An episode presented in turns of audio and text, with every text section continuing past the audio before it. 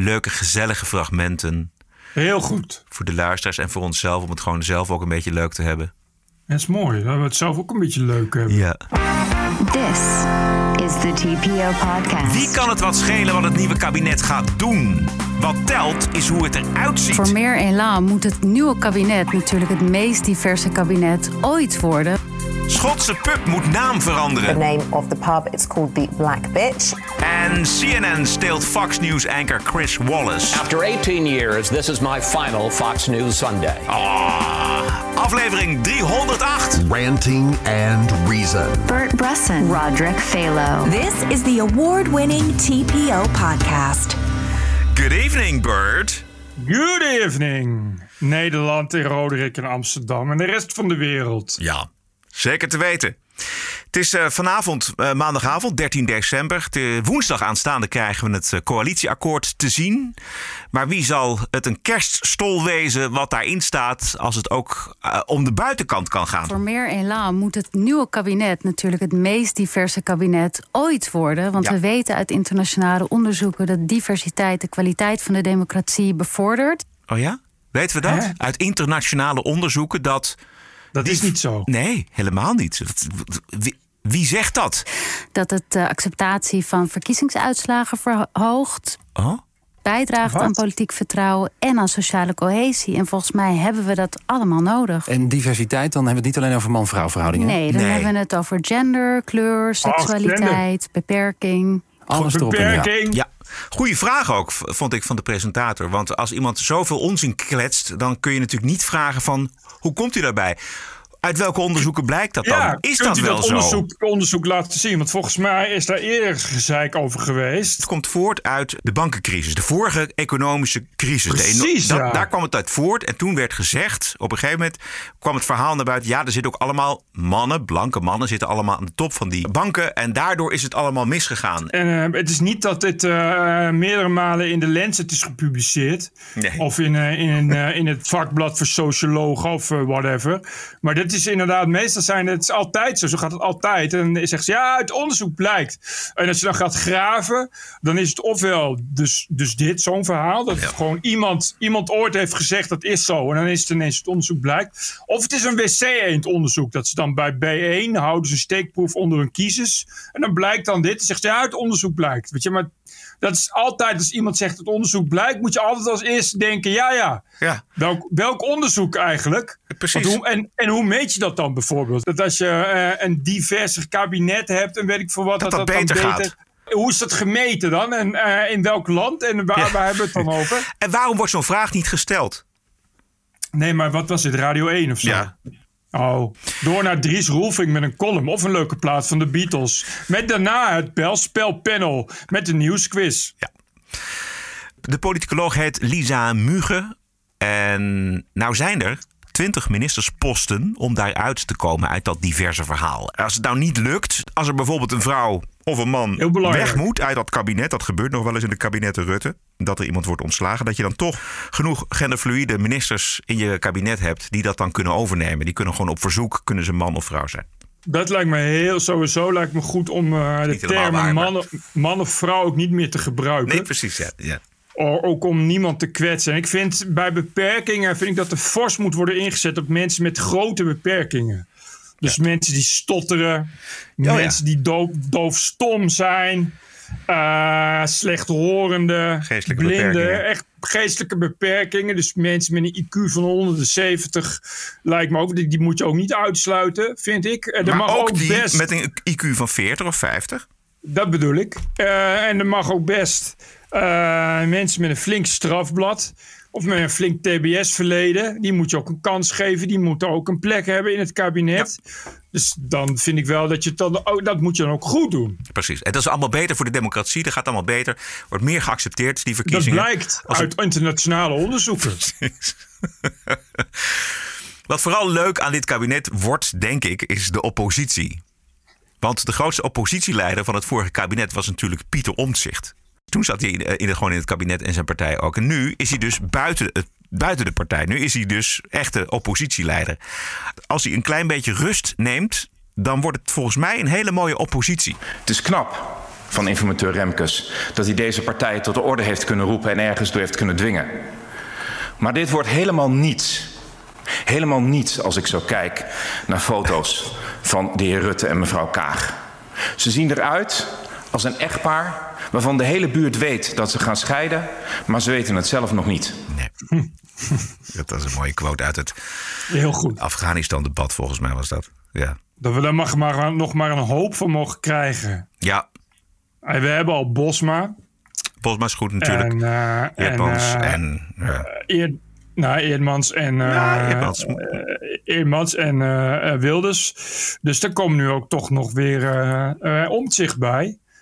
Dat wordt, uh, wordt toch, toch, ja, je kan wel toegeven in dat geval dat diversiteit de boel een stuk leuker maakt. Alhoewel dit misschien niet zo divers is. Ik, zeg, ik zou zeggen van wel, maar goed, dat is natuurlijk aan, uh, aan de diversiteitskoningen en koningen om dat te bepalen. Wie zijn wij om daar iets van te vinden, hè, Ja, van ja. diversiteit? Ja. Wij zijn sowieso uh, blanke hetero's, dus we hebben niks te vinden. Laten we even kijken naar de asielzoekers. Want dat is, dat is wel een, een groeiend probleem. Wat overgenomen gaat worden door het nieuwe kabinet natuurlijk. Staatssecretaris Broekers-Knol die wil nu gemeenten dwingen om haar puinhoop op te ruimen. Namelijk gemeenten verplichten duizenden asielzoekers op te nemen... die niet meer passen in de opvang in bijvoorbeeld Ter Apel. Alsof gemeentes ruimte genoeg hebben om dat Ja. allemaal over te nemen. Dat is natuurlijk een dramatische situatie. Ik heb even naar die cijfers gekeken, Bert. Nederland heeft tot en met vorige week dit jaar... iets meer dan 33.000 asielzoekers en nareizigers opgenomen. Ik dacht dat het meer was, maar dit is het. En dat is eh, het dubbele van vorig jaar. Het zijn er toch 33.000. Ja, De meeste komen uit Syrië, dan Turkije, Afghanistan, Jemen, Irak, mensen uit Eritrea, Algerije en Marokkanen. Grofweg kun je zeggen dat de migranten uit Turkije, Algerije en Marokko afkomstig zijn uit vrij, zeg maar, veilige landen.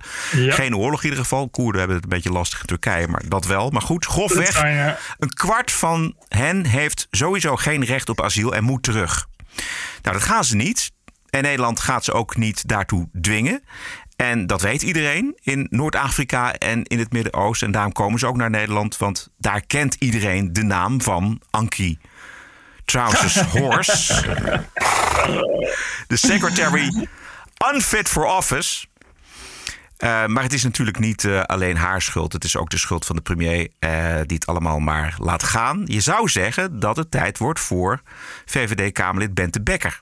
Om haar ja. harde woorden op dit dossier te bewijzen als nieuwe staatssecretaris van dit nieuwe kabinet. En vergeet ook niet dat Bente Bekker dan in ieder geval dat uh, quotum van 50% vrouwen uh, kan helpen halen. Heel goed. Misschien moet Bente Bekker dan maar een nieuwe staatssecretaris van asiel en uh, Miles worden. Ja. Kan hij eindelijk eens laten zien wat ze waard is. Zij zegt namelijk wel goede dingen. Luister, ja. luister maar. Wat wel op de agenda staat en wat we ontvangen hebben zijn rapporten van de WRR en rapporten van NIDI. Die laten zien dat we door migratie in 2050 wel eens 22 miljoen inwoners kunnen hebben in Nederland. En dat Nederland een vlottende migratiesamenleving is met steeds meer mensen uit verschillende landen met een niet-westerse migratieachtergrond. En de politiek wordt om een serieus antwoord gevraagd door onder andere Paul Scheffer en Jan Latte, maar ook anderen. En terecht, voorzitter. En helaas heeft het kabinet dat in deze demissionaire status niet kunnen doen. Maar nodig is het wel. We zijn een klein land met veel mensen die met elkaar voorzieningen, woningen, goede gezondheidszorg overeind moeten houden. Maar misschien nog wel belangrijker, met elkaar door één deur moeten kunnen met onze vrije Nederlandse waarden hoog in het vaandel. En ons doel moet zeker niet zijn om meer asielzoekers op te gaan vangen dan we nu al doen. Want het harde feit is dat van de mannen uit Syrië en Eritrea, die vooral in de periode 2014-2016 hier kwamen, nog maar 25%, respectievelijk 32% werk heeft. En bij vrouwen ligt dat nog lager. En dat betekent dus dat mensen vooral afhankelijk zijn van een uitkering. Ja, de steun. Bente Bekker heeft het wel allemaal op een rijtje. Ja, maar ja. En dat is ook nog, ook nog eens VVD. Je zou zeggen, huh? huh? Je zou denken, die, die spreekt Rutte nog wel eens of zo. Ja, Precies, maar dat doet ze misschien ook nog wel, maar ze, ze, raakt in de minderheid. Maar dit, is, dit vind ik toch interessant om het even over te hebben. Want dit klinkt allemaal goed wat Bente Bekker te zeggen heeft over asielzaken. Krachtig, goed. Maar ja, ja. VVD presteert helemaal niks op dit dossier. He, nee. Feitelijk weet ook Joost Eertmans van Ja 21. Dat is een goede oproep hè, aan het nieuwe kabinet. Nou loopt de VVD al een tijdje mee. Uh, ik uh, dacht namelijk een jaar of uh, tien minimaal met uw eigen premier Rutte. En de poort heeft nogal wijd opengestaan. Dat weet u ook. Hè? We hebben 800.000 niet-westerse migranten toegelaten in Nederland. Zo'n gemiddeld 80.000 per jaar. Um, er zijn, vele asielverzoeken gedaan en toege, to, mensen zijn toegelaten hier in onze asielprocedures en hebben een vergunning gekregen. Hoe kunt u dan zo zeggen, die rem moet erop en er moet meer werk worden gemaakt als u toch in de laatste tien jaar heeft laten zien dat het er niet van komt? En geef daar eens een, een goed antwoord op. Mevrouw Becker. Ja, voorzitter. Ik ben het er niet helemaal mee eens dat het er niet van komt. Ik denk alleen dat er nog veel meer nodig is uh, dan we al gedaan hebben. Kijk, we zitten in een, uh, in een Europees asielstelsel. Dat betekent ja, dat we niet we. als Nederland morgen zelfstandig de grenzen zouden kunnen sluiten. Dat weet de heer Eertmans ook, tenzij je voor een nexit bent. Nou, dat heeft ook desastreuze gevolgen voor de Nederlandse samenleving. Dus wat wij voorstellen als VVD is in ieder geval om het Europees asielstelsel strenger te maken. Dat is op een aantal punten gelukt, maar op belangrijke onderdelen nog niet. En daar werken we aan. Verder vinden we dat je in tijden van crisis, als je echt over overspoeld dreigt te raken, zoals dat ook in 2015, 2016 aan de hand was, door migranten, dat je dan je eigen grens zou moeten kunnen sluiten. Oké, dus dan kan het wel. Het kan wel, het, het, maar het kan niet. Want het zijn Europese regels. Ja, maar als het, als, als het moet, dan kan het ineens ja. weer wel. En, maar verder gaan we lekker niks doen. Dan wijzen we, wijzen we naar Europa. Ja. En dan gaan we de Europese regels gaan we. Dat kan dan ineens kennelijk wel. Dat je vanuit Nederland de Europese regels kunt gaan aanpassen. Nog een klein stukje. Als dat noodzakelijk is. Voor de rest heeft dit kabinet uh, heel veel gedaan om ervoor te zorgen dat mensen die hier zijn, maar eigenlijk weg zouden moeten, uh, dat daar strenger beleid voor komt. Met bijvoorbeeld een handhavings- en toezichtslocatie. Nou, zo kan ik nog ja, doorgaan, voorzitter. Nee, mislukt. Dat is allemaal mislukt. Juist. Dus Bente Becker is van goede wil. Dat geloof ik onmiddellijk. Maar de VVD, haar partij, dit kabinet heeft niets, maar dan ook niets klaargespeeld. Want het laatste waar ze, waar ze het over heeft, weet je wel, daar hebben we het ook vaak over gehad. Over die, die, die, die, die speciale units waar dan die overlastgevers ja. uit die veilige landen naartoe kunnen. Dat is allemaal vrijwillig. Die gaan er ook weer uit, weet je wel. Dus, en ze zijn er nog steeds, ja. hebben het vorige week over gehad, uitgebreid. Ja. Dus het is een ballon die leegloopt. Ja, maar Eerdman zegt het ook. De, de poort staat al tien jaar wagenwijd open. Ja. En kijk, Bente Becker heeft ook een carrière bij de VVD. Dus ja, die moet wel.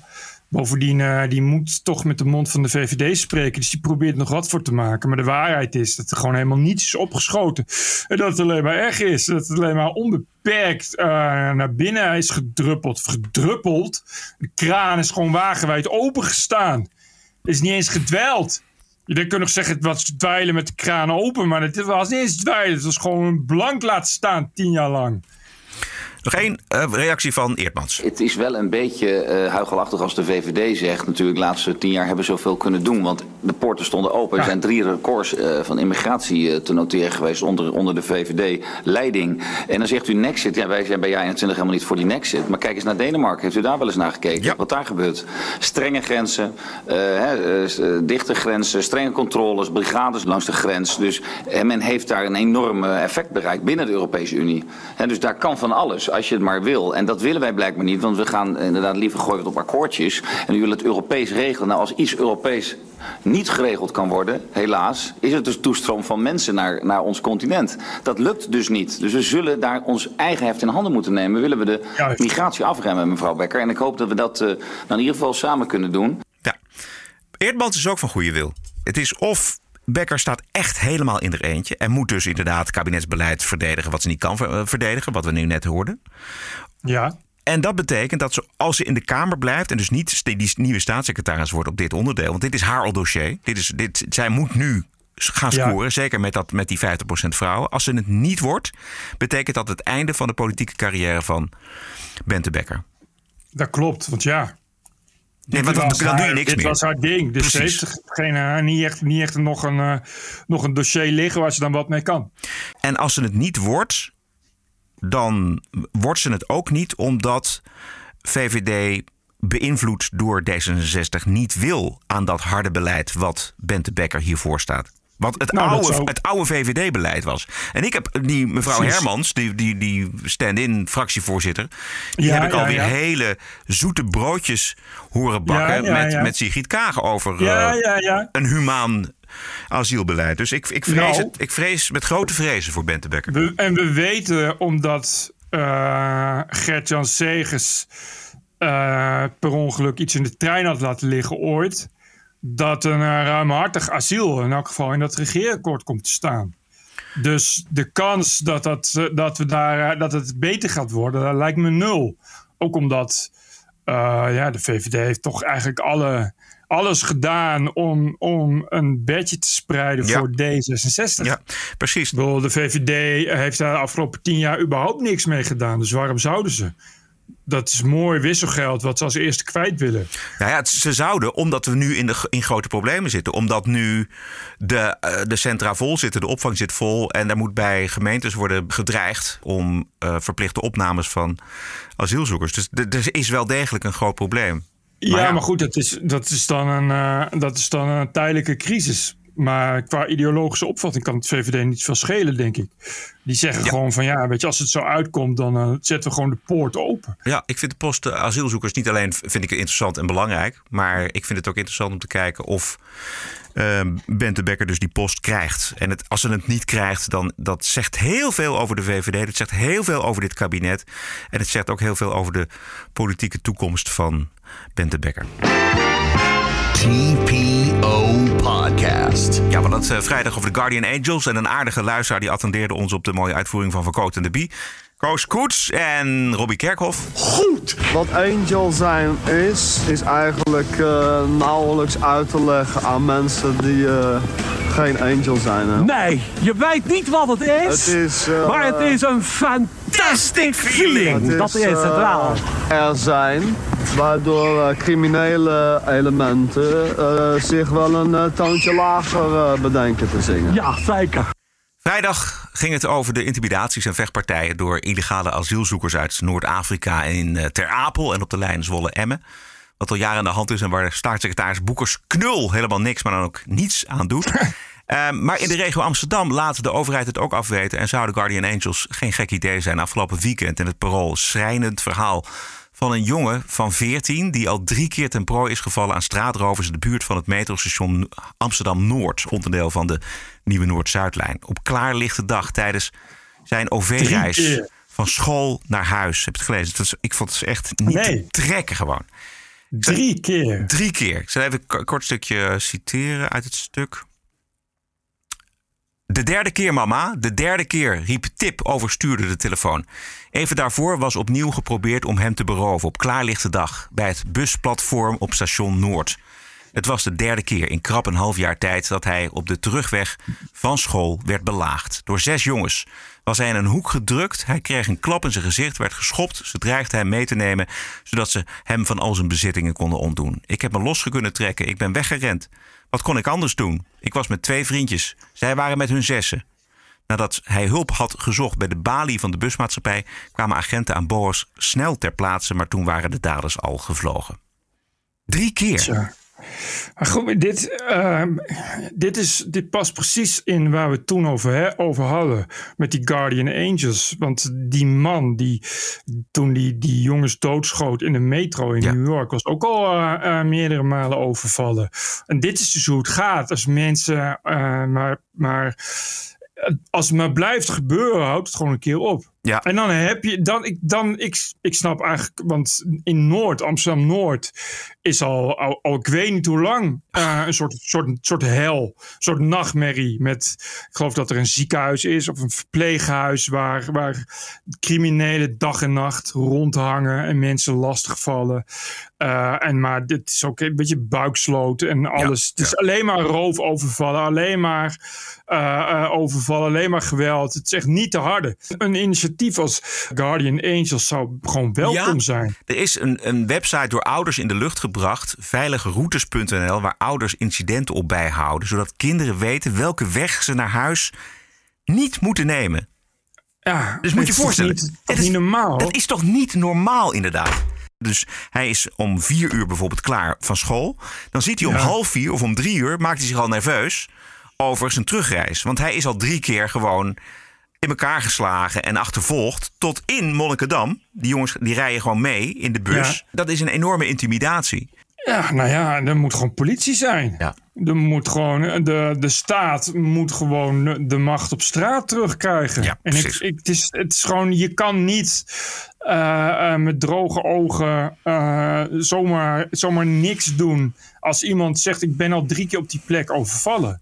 Precies. is niet, dan, dan moet je daar, daar iets tegen doen.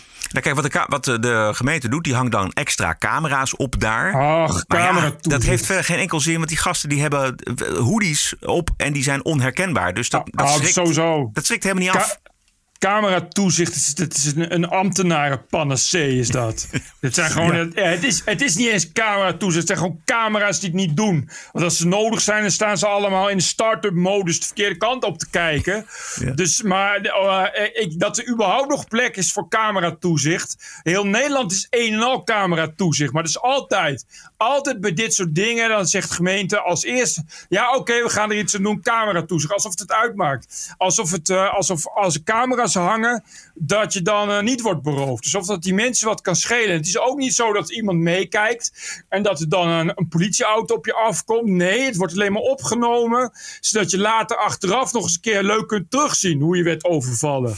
Super fijn. Nou, dat zal inderdaad heel erg gaan helpen tegen roofovervallen. Het enige wat helpt, is dat je daar voldoende personeel op straat ja, hebt. Precies, dat controleurs. Je politie hebt, ja. politie hebt, controleurs.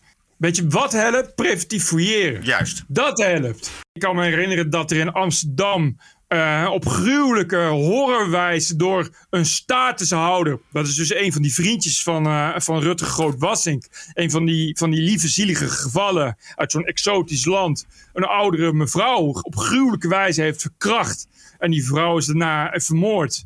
En het advies van Femke Halsema nadat ze was gaan schouwen op de plek delict was om de bossages te korten. Oh ja, ja precies. Ja, want uh, ja, dan heb je meer en, lantaarnpalen en bossages korten. Nou, dat zal de verkrachters wel afschrikken, denk je ook niet. Zeker die uit andere landen. Nieuwkomers die zijn al snel afgeschrikt van bossages en, uh, en lantaarnpalen. De Guardian Angels nieuwe generatie ze zijn nodig met een overheid als deze. Dat lijkt me echt goed. Onderweg de Wokweek, berichten uit de open inrichting. Maar eerst waarderen en doneren. Vooral luisteren. Ja! Want de TPO-podcast wordt je twee keer per week aangeboden. Zonder betaalmuur. Op eigen kracht doen we dat. En dat kan alleen met jouw donaties. Ranting and Reason. En als je naast je financiële ondersteuning ook nog iets anders kwijt wil aan ons, dan kun je schrijven info.tpo.nl. De vraag is, wordt er nog een beetje geschreven, Bert? Nou, ik heb er uh, negen. Dat meen je niet. Ja, Zo. Uh, is echt heel veel gedoneerd. Dus uh, het is oh, duidelijk kerst. Iedereen is in, in gulle kerststemming. Heel goed. Oh, leuk. dat moet iedereen doen. Ja. Het is nog, nog lang geen kerst, dus er kan nog voldoende bij. Het, de rekening is nog lang niet vol, dus, dus ga vooral... oh, even kijken, dit is wel een beetje lang, dus ik ga even, even knippen. Okay. Noem me maar Kees, hij wil anoniem blijven. Beste Broderick en Bert, Jullie geluid moet veel meer verspreid worden. Via mijn broer Mike ben ik jullie podcast gaan luisteren en ik geniet er iedere keer van. Ik deel de podcast met zoveel mogelijk mensen en ik krijg van bijna iedereen een positief geluid terug. Jullie gebruiken de juiste bewoordingen en maken op een hele goede manier duidelijk wat de meerderheid denkt. Alleen jammer dat bijna niemand uh, dit meer durft te zeggen. Bijna de hele wereld is verknipt aan het worden. We worden niet ziek van COVID, maar van alle woke-bewegingen. Ik denk er ook maar over na naar Spanje te verhuizen. Nou, dat uh, kan ik je van alles over vertellen als het moet. Ik ben een blanke hetero man en politieagent in Amsterdam. Uh, er gebeuren op ons vakgebied en vooral in Amsterdam diverse wookzaken. Als blanke man word je niet meer aangenomen bij de politie tegenwoordig. Er staat letterlijk in de afwijzing dat voorkeur uitgaat naar vrouwen en mensen met een andere achtergrond om meer diversiteit te verkrijgen. Volgens mij is dat discriminatie. En volgens mij moet je mensen aannemen op basis van kwaliteit. En, niet, en het moet niet uitmaken of je paars, geel, blauw of wit bent. Even kijken. Uh, om jullie nog lang te kunnen horen en zo met veel plezier in de auto naar werk te kunnen rijden, zal ik een donatie doen. Dus bij deze. En oh ja, Mike, melden. Mike, je luistert al veel langer, dus doneren. Met vriendelijke groet, noem me maar Kees. Dankjewel, Kees. Misschien komen we elkaar een keer tegen hier in Amsterdam. Dan moet je me maar aanspreken. Ja, en als je wat wil weten over verhuizen naar Spanje, dan, moet je me mailen. Ja. Tom Keizer. Samen met alle woke shit en racisme deugddrammers die rondlopen, begin ik aardig moedeloos te worden van de staat waar wij ons in bevinden. Maar niet zo moedeloos dat ik niet meer zal doneren, want jullie geluid moet gehoord worden. Bij deze 25 euro als ondersteuning van deze topshow. Tom Keizer, dankjewel. Gregor, Beste Bert en Roderick, ik luister met veel plezier en soms leedvermaak naar jullie podcast. Met zoveel plezier zelfs dat ik via Patreon officieel luisteraar ben geworden. Ik hoor soms met veel verbazing de verhalen uit de open inrichting aan, maar ik moet bekennen dat ik ook gewoon door de knieën ben gegaan. Ik werk namelijk voor een bedrijf met het hoofdkantoor in Amerika. En vanuit hen kreeg ik ook ik de vraag om in de e-mail handtekening mijn gewenste pronouns op te schrijven. Ongeveer elke vezel in mijn lichaam schreeuwde toen ik dit ook nog eens deed. Waarom deed ik het dan? Kun je je misschien afvragen. Simpel. Ik heb nog geen vast contract en ik wilde ze zo weinig mogelijk touw aanreiken om Berbetje vervolgens aan op te hangen. Ja, ja, begrijp ik. Dus hoewel dit totaal tegen mijn gevoel inging, won de ratio het. Principes kun je namelijk niet eten. Maar uh, wacht even Bert, dit is dus, dus Amerikaanse bedrijven die vragen dat dus gewoon van Nederlandse werknemers. En, en met een bepaalde sociale druk. Dat je denkt, ja, Jezus. Dan krijg je mail van het hoofdkantoor in Amerika. Wil je dat doen? Dus het is helemaal niet meer vrijwillig. Nee, dat, ja, ja vrijwillig als je het niet doet dan, dan, dan kan dan, ik kan me voorstellen dat je dan dat bang bent voor je baan. Ja? Want ja, dan zeggen ze misschien van ja, waarom uh, schrijf je je pro ik bedoel, met, pronouns? Ik, bedoel met, met vrijwillig dat je, dat je dat uit eigen beweging doet. Zoals een Frans Timmermans dat heel graag uit eigen beweging doet. Nee, je wordt echt wordt gepusht om dat te doen. Wow. Ja, in, in Amerika is het natuurlijk... Maar dat, oh, dat zijpelt uh, dus door naar Nederland. Ja, en daarom teken ik met mijn bijnaam. Ik hoop dat jullie nog lang de spiegel voor mogen houden. Waarin ik mezelf even niet meer durf aan te kijken. Met vriendelijke groet, Gregor. Nou, Gregor. Gregor, het is helemaal geen schande dat je dat doet. Uh... Wat moet je anders? Ja, wat moet je anders? Het, Maar het is... Het is uh... Als het je, je krijgt het onder ogen, dus dan zit je daar, weet je. Dan... Ach, vreselijk, jongen. Bovendien is het natuurlijk maar iets onzinnigs. Het is niet hetzelfde als, als verplicht naar een cursus moeten, maar toch. Ja ik snap dat je daar. Uh... Het zegt heel veel over uh, nou ja, dat, dat, dat, bedrijven, dat internationale bedrijven, dat blijkbaar verlangen van, zijn, van hun werknemers, waar die werknemers verder ook wonen. Maar ik vind het. Uh, het is wel doodeng. Ja, het is doodeng. Ja. Oké. Oké. Jean-Paul van Cohen, beste Bert en Roderick. Na een tijd zwart geluisterd te hebben, ben ik nu Patreon geworden, geworden met account en al. Ik luister met groot plezier en weet me inmiddels gesterkt met de wetenschap dat velen met ons zo meewarig kennis nemen van de dagelijkse werkelijkheid in de mainstream media. Anyway, zelfs uitbarstende vulkanen houden jullie niet tegen, dus ga zo door, Jean-Paul. Jean-Paul, doen we. Jorik Dommerholt. Ha, heren. Ook ik kan nu niet achterblijven om even een berichtje te sturen na mijn donatie door Jasper en Stefan. Al helemaal niet nu beide heren een Patreon zijn gestart. In deze tijd van alle doorgedraafde woke-retoriek zijn jullie voor mij echt een baken van rust en redelijkheid. En ja, dat biedt ook hoop. Na zo'n 2,5 jaar luisterplezier en af en toe een eenmalige donatie is het ook voor mij tijd om weer eens te doneren. En ik zou het bijna vergeten, maar niks, oude parasiet. Melden, doneren. Ja. Maar niks, maar niks. Maar niks. Melden, maar niks. Oude parasiet dat je er bent. Heren, ga zo door met dit o zo nodige geluid. Ik blijf fan en voorlopig ook financieel ondersteunen. Groet, Jorik. Dankjewel, Jorik. Dirk-Jan van Kessel uit Sri Lanka. Kijk eens. Beste heren, bij deze 100 euro en groeten uit tropisch Sri Lanka. Ik ben sinds 2009 werkzaam in het buitenland. Eerst 3,5 jaar Oekraïne en nu woon ik alweer bijna 6 jaar in Sri Lanka. Ik wil bij deze nog twee zwartluisteraars aan de schandpaal nagelen, omdat die zich moeten melden.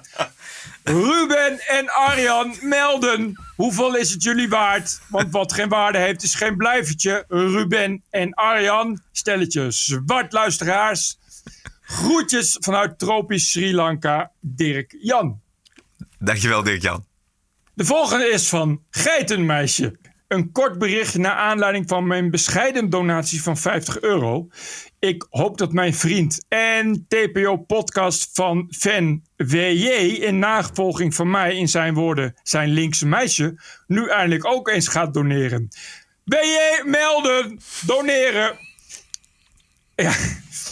MB, ik zie mezelf overigens als vrij links. waarom je niet en een beetje links en islamkritisch en anti-woke zou kunnen zijn, is voor mij namelijk nog steeds een groot raadsel.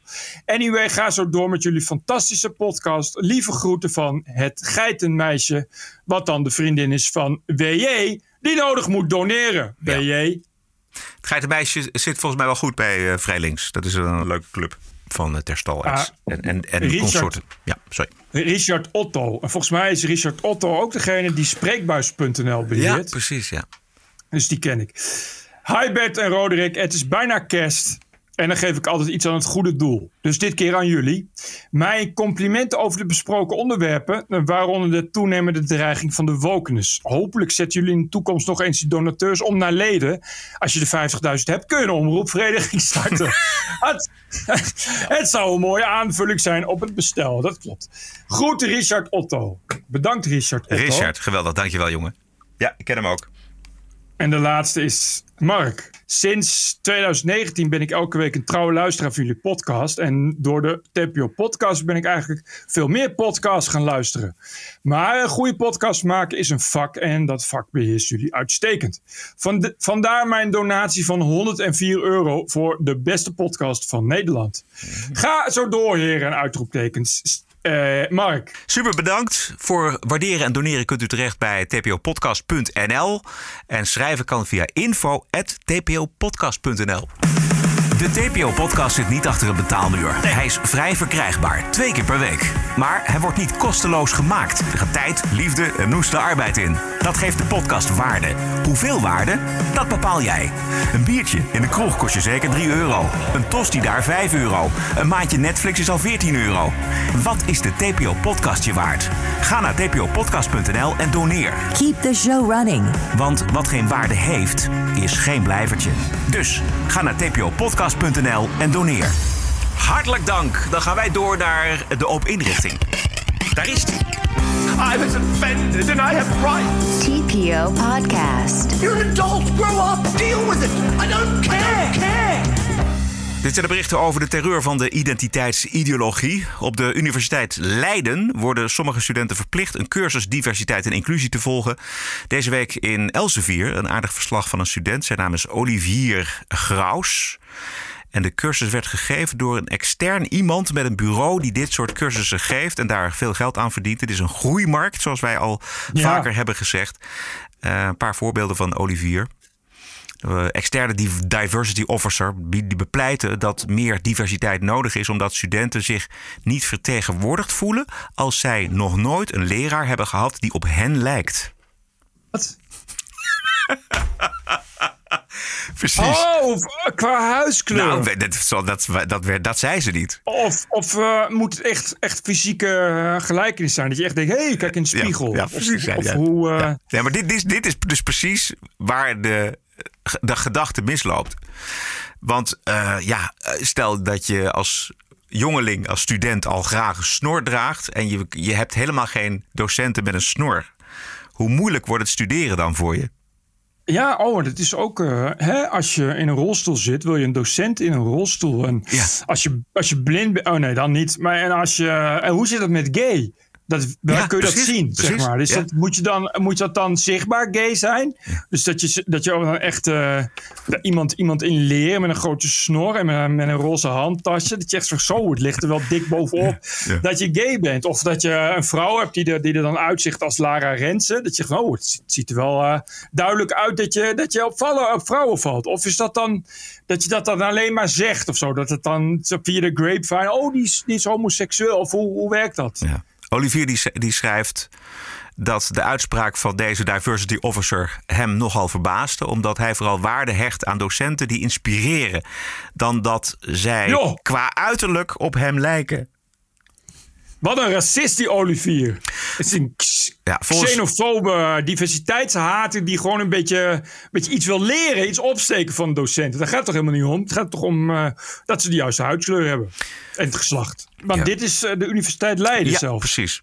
Wat toch geen uh, al te progressieve universiteit is in de negatieve zin van het woord. Nee. het, is geen, het is geen UvA, zal ik maar zeggen. Nee, maar... Misschien hebben wij ook alleen maar een beeld van de Universiteit Leiden dat dat een beetje een rechtse. Misschien is het ook wel een oud verhaal van vroeger. Uit de, de, de, tijd van ja. uh, Machtel en, en, en Baudet bijvoorbeeld.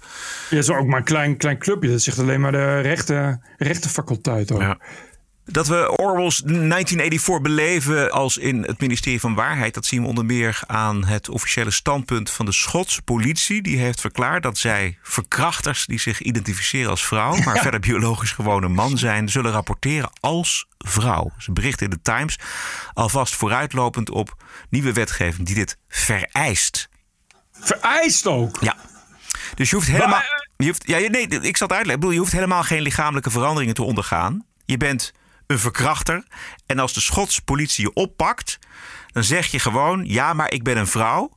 En de Schotse diender die noteert dan: verkrachter is vrouw. Zelfidentificatie, dat is het nieuwe modewoord. Zelfidentificatie. Dit, dit gaan de feministen leuk vinden. Want dan, wat je dus krijgt, is een grote daling in het aantal verkrachtingen gepleegd door mannen en een grote stijging in het aantal verkrachtingen gepleegd door vrouwen. Uh, dat is niet alleen uh, treurig nieuws voor vrouwen die daar dus slachtoffer van worden, omdat de statistieken dan ineens een kant op buigen waar je niet zoveel meer mee kan. Uh, en niet langer kunt zeggen: Oh, dit het zijn vooral mannen die dat doen, wat, wat voor de hand ligt. Uh, en het wordt bovendien ook een probleem, want hoe, hoe definieer je dan verkrachting? Precies, want penis is dan niet meer een geslachtskenmerk of een geslachtsdeel van een man. Dat kan dus ook van een vrouw zijn. J.K. Rowling die twitterde dus een mooie... Ik wou net zeggen, uh, J.K. Rowling had er ook een mening over. Oorlog is vrede, vrijheid is slavernij, onwetendheid is kracht. Een persoon met een penis die jou verkracht is een vrouw. Ja, dit past inderdaad precies in het rijtje. Ja. J.K. Rowling zal hier wel weer uh, veel bloemen en bonbons voor krijgen voor deze ene tweet. Uh, uh, zoals gebruikelijk zullen de transactivisten daar wel weer bovenop springen. Ik vind het wel heel dapper en goed dat zij dit blijft doen ook. Ja. Want zij heeft toch uh, een hoop over zich heen gekregen. Zeker, en krijgt dat nog steeds. Want zo, ik las dat, uh, dat schreef zij zelf op Twitter, dat, zij, dat haar adres ook weer online gezet is. Waardoor ja, precies, zij ja. nieuwe uh, beveiliging moet, moet hebben. Want als je het hebt over een veilige omgeving of een onveilig gevoel, dan zijn het niet de transgenders of nee. al die actievoerders die zich onveilig zouden voelen. Dat, is het vooral, dat zijn vooral de mensen die aangevallen worden, zoals J.K. Rowling. Wat dat betreft, als het gaat om veiligheid en safe spaces en, en uh, tolerantie, dan is dat een vrij beperkt gedefinieerd en afgebakend gebied. Ja. Inderdaad. Even nog in Engeland blijven. Dit is zo'n gaar verhaal, jongen. Dit is ongelooflijk. Het, het is, een klein stadje in Schotland. En daar staat al meer dan 400 jaar een pub. En die ja. pub die heet al meer dan 400 jaar The Black Bitch. Ja. Nou, je voelt het al. De naam. ja. De, de, naam verwijst in het echt naar een zwarte hond. Die ook een standbeeld heeft in dat dorpje. Uh, in een parkje even verderop. Precies. Uh, de Black Bitch. En de brouwerij die eigenaar is van de pub. Green King, die gaat de naam veranderen naar klachten van niet nader genoemde personen en organisaties.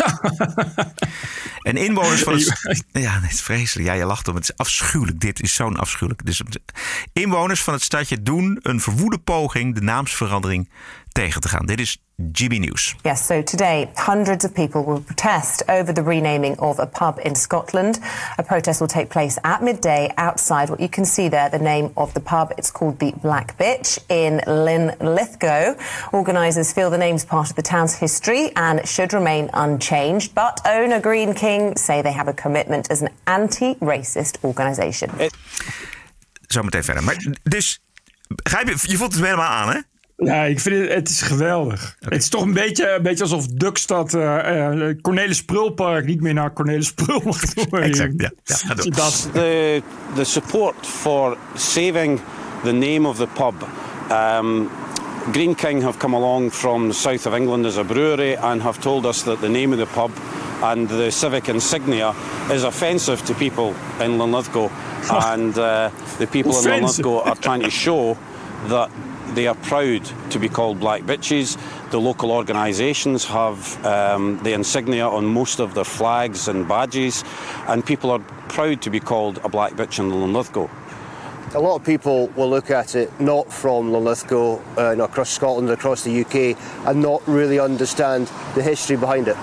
That, that's correct, and we have tried to compromise with Green King and suggested that perhaps more signage on the front of the building saying, for instance, Linlithgow's historic mascot, the Black Bitch, would help to alleviate the people using the Black Bitch term out of context. There's a lot of history behind that, and I don't think Green King have taken any cognizance of how important it is in Linlithgow and to the Linlithgow people that uh, the Linlithgow Black Bitch means more than just a pub.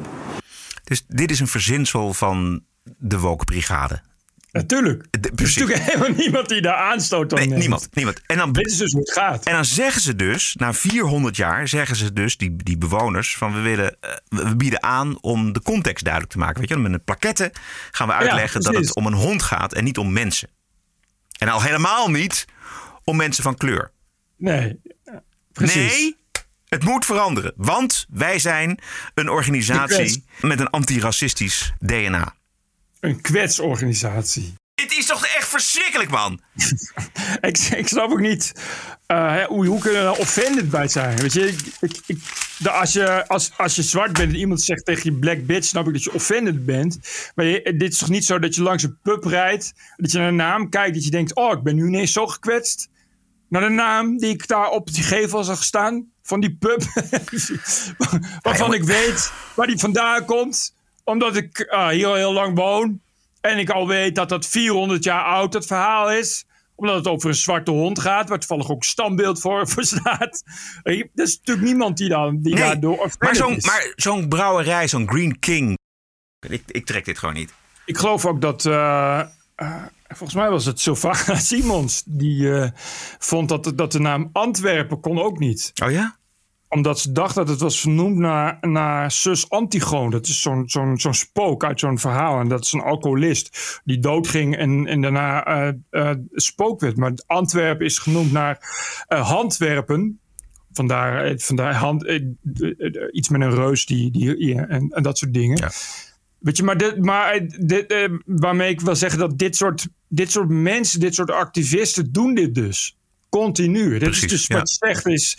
Uh, overal waar wat over valt te zeiken. En wordt er, ja, er staat gewoon plek in. Ja, dan is het voldoende.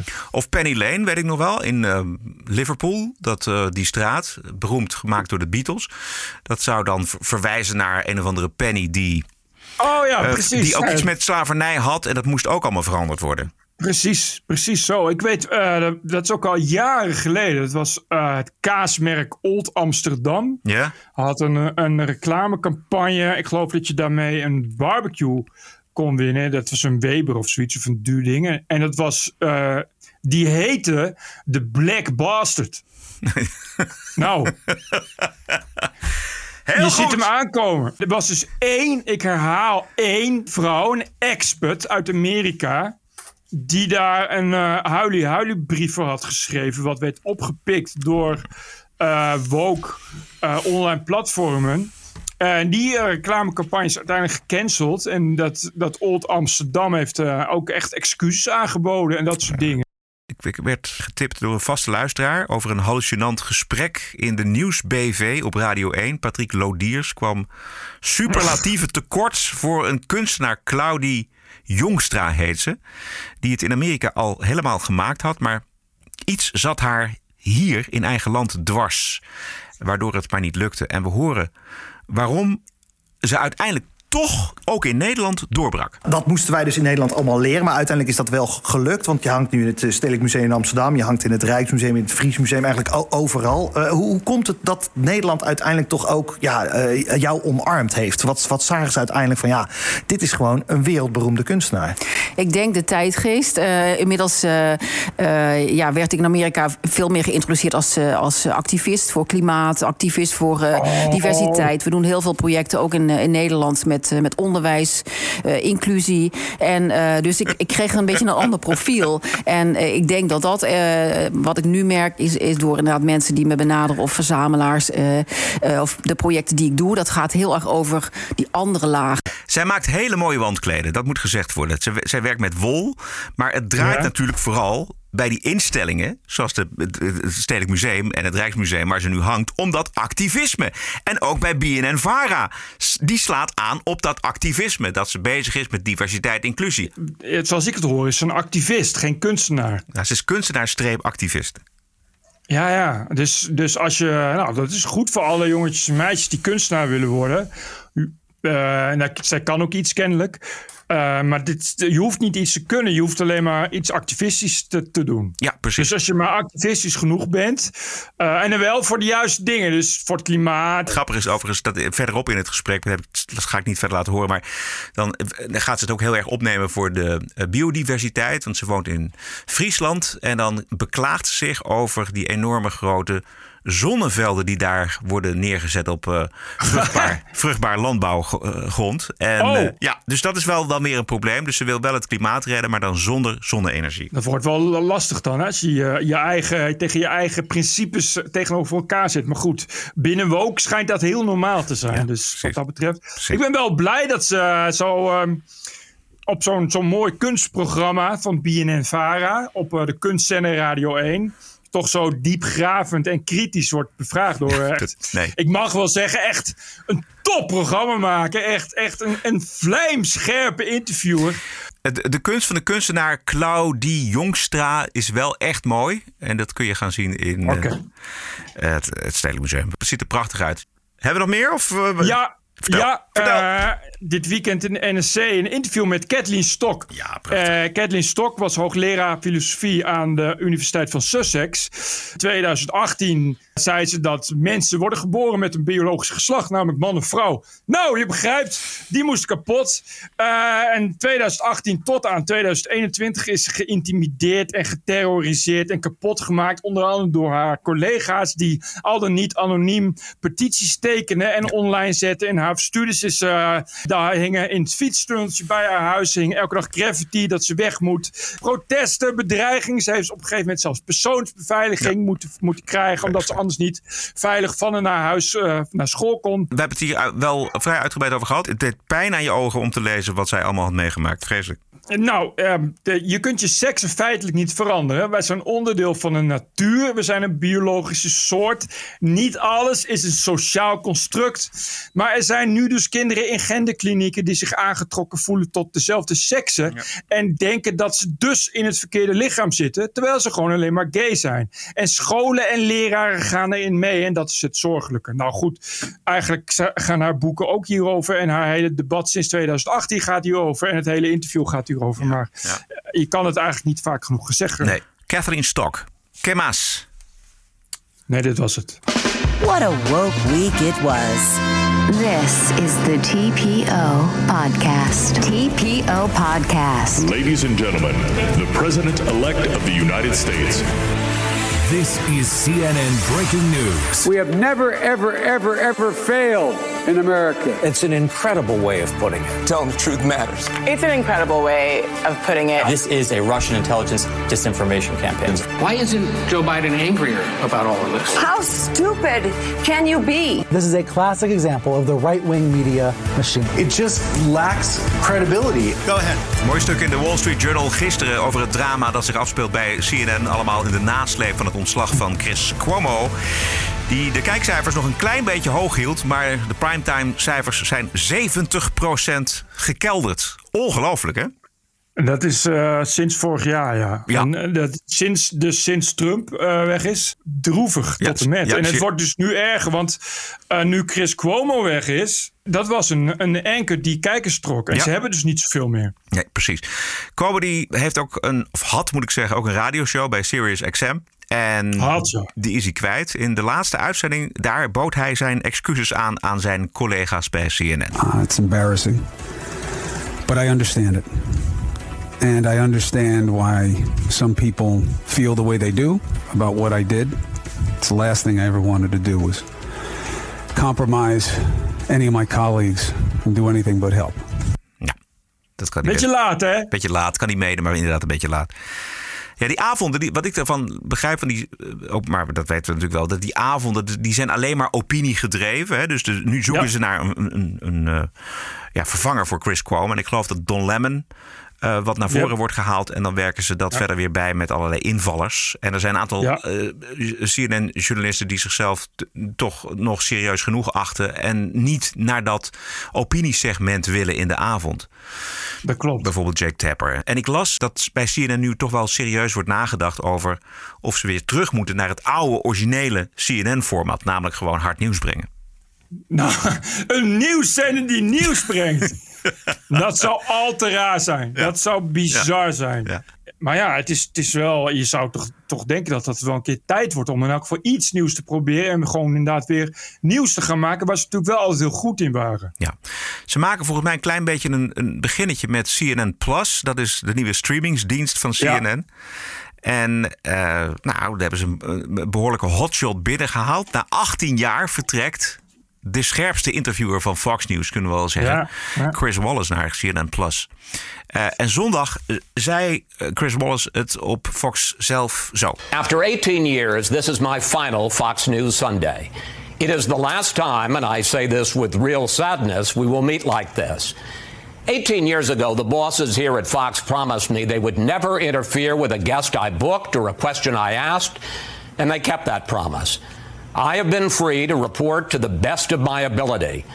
It's been a great ride. Voor, voor Fox weer een aderlating. Maar je, dit zul je dan de komende tijd gaan zien. Want het is echt, als, als dus dit soort gaten vallen, als iemand weggaat, dan eh, wordt er weer een ander getrokken. Grote vraag is wat er dus bij CNN in die avonduren gebeurt. Don Lemon die houdt zich eventjes gedijst. Want van hem zijn, las ik tekstberichten naar boven gekomen. Ja. Eh, naar hoax-acteur Jesse Smollett. Niet zo heel ernstig geloof ik, want hij, hij wilde hem een hart onder de riem steken. Maar ja, dat is ook lastig gewoon als iemand zo in het nieuws is. Ja. Eventjes nog luisteren naar hoe in en in slecht die Jesse Smollett is. En wat een zieke geest die man heeft. Zijn doel van die nepaanval, drie jaar geleden inmiddels, was dus tweeledig slachtofferschap en daardoor populairder en hoger salaris. En toenmalig president Trump beschadigen door Ja. te zeggen dat Trump-supporters het waren die hem eh, hadden aangevallen. Dit is uit het eerste interview over de aanval, die toen nog geloofd werd door iedereen. Why do you think you were targeted? I can just assume. I mean, I come really, really hard against 45. Ja, 45 is de 45e president, dat is Trump. Ja. I come really, really hard against his administration. And I don't hold my tongue. Right. Dit is allemaal gelogen, hè? Dus, maar hij zegt dus, ja, ja walgelijk. eh, ik ben aangevallen omdat ik het durf op te nemen tegen Trump. Maar wat zei Donald Trump over de aanval op Smollett? I want to ask you about Jesse Smollett. I think that's horrible. Uh, it doesn't get worse, as far as I'm concerned. Were you aware that he made that statement? Dus je hoort Trump dus het opnemen voor Smollett. I saw it. I don't know what to say to that. You know? Um, you know, I appreciate him not brushing over it. And there is no doubt in your mind what motivated this attack. I could only go off of their words. I mean, who says empire, this MAGA country, ties a noose around your neck and pours bleach on you? And this is just a friendly fight? I will never be the man that this did not happen to. I am forever changed. And I don't subscribe to the idea that everything happens for a reason, but I do subscribe to the idea that we have the right and the responsibility to make something meaningful out of the things that happen to us, good and bad. Het is zo Als je, ziek. Ja. als je het nu terug hoort, is het echt. eh, de rillingen kruipen over je rug. Ja. Ja. Damn. Eh, Dat je dus, eh, je weet dat het twee vrienden zijn die dit allemaal in scène hebben gezet samen met jou. En je, je verzint gewoon dat het Trump-supporters zijn om Trump aan te vallen. Ongelooflijk. Wat ben je dan een ongelooflijke hufter? Wat ben je dan een ontzettende klootzak? Wat ben je dan slecht? Slecht, man. slapen s'nachts. Dat is In echt- en in slecht ben je. En dan ook nog in de hoop dat je carrière een boost krijgt.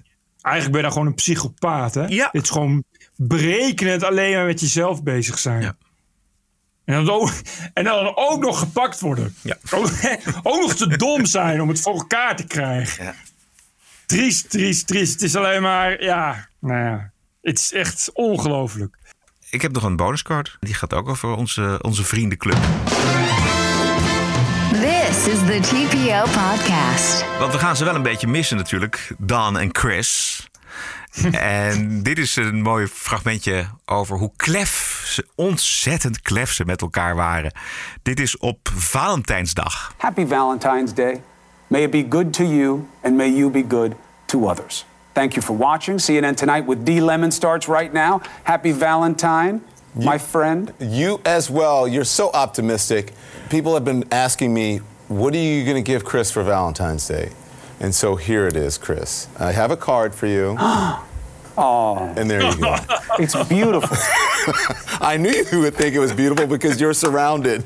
You didn't want to put your face in here. Why? It wouldn't fit? Because that would be like me loving myself. That's what you're about. First of all, can we just, for the sake of Valentine's Day, can we stop this projection of where I am the one who's so into myself and you are like this monk?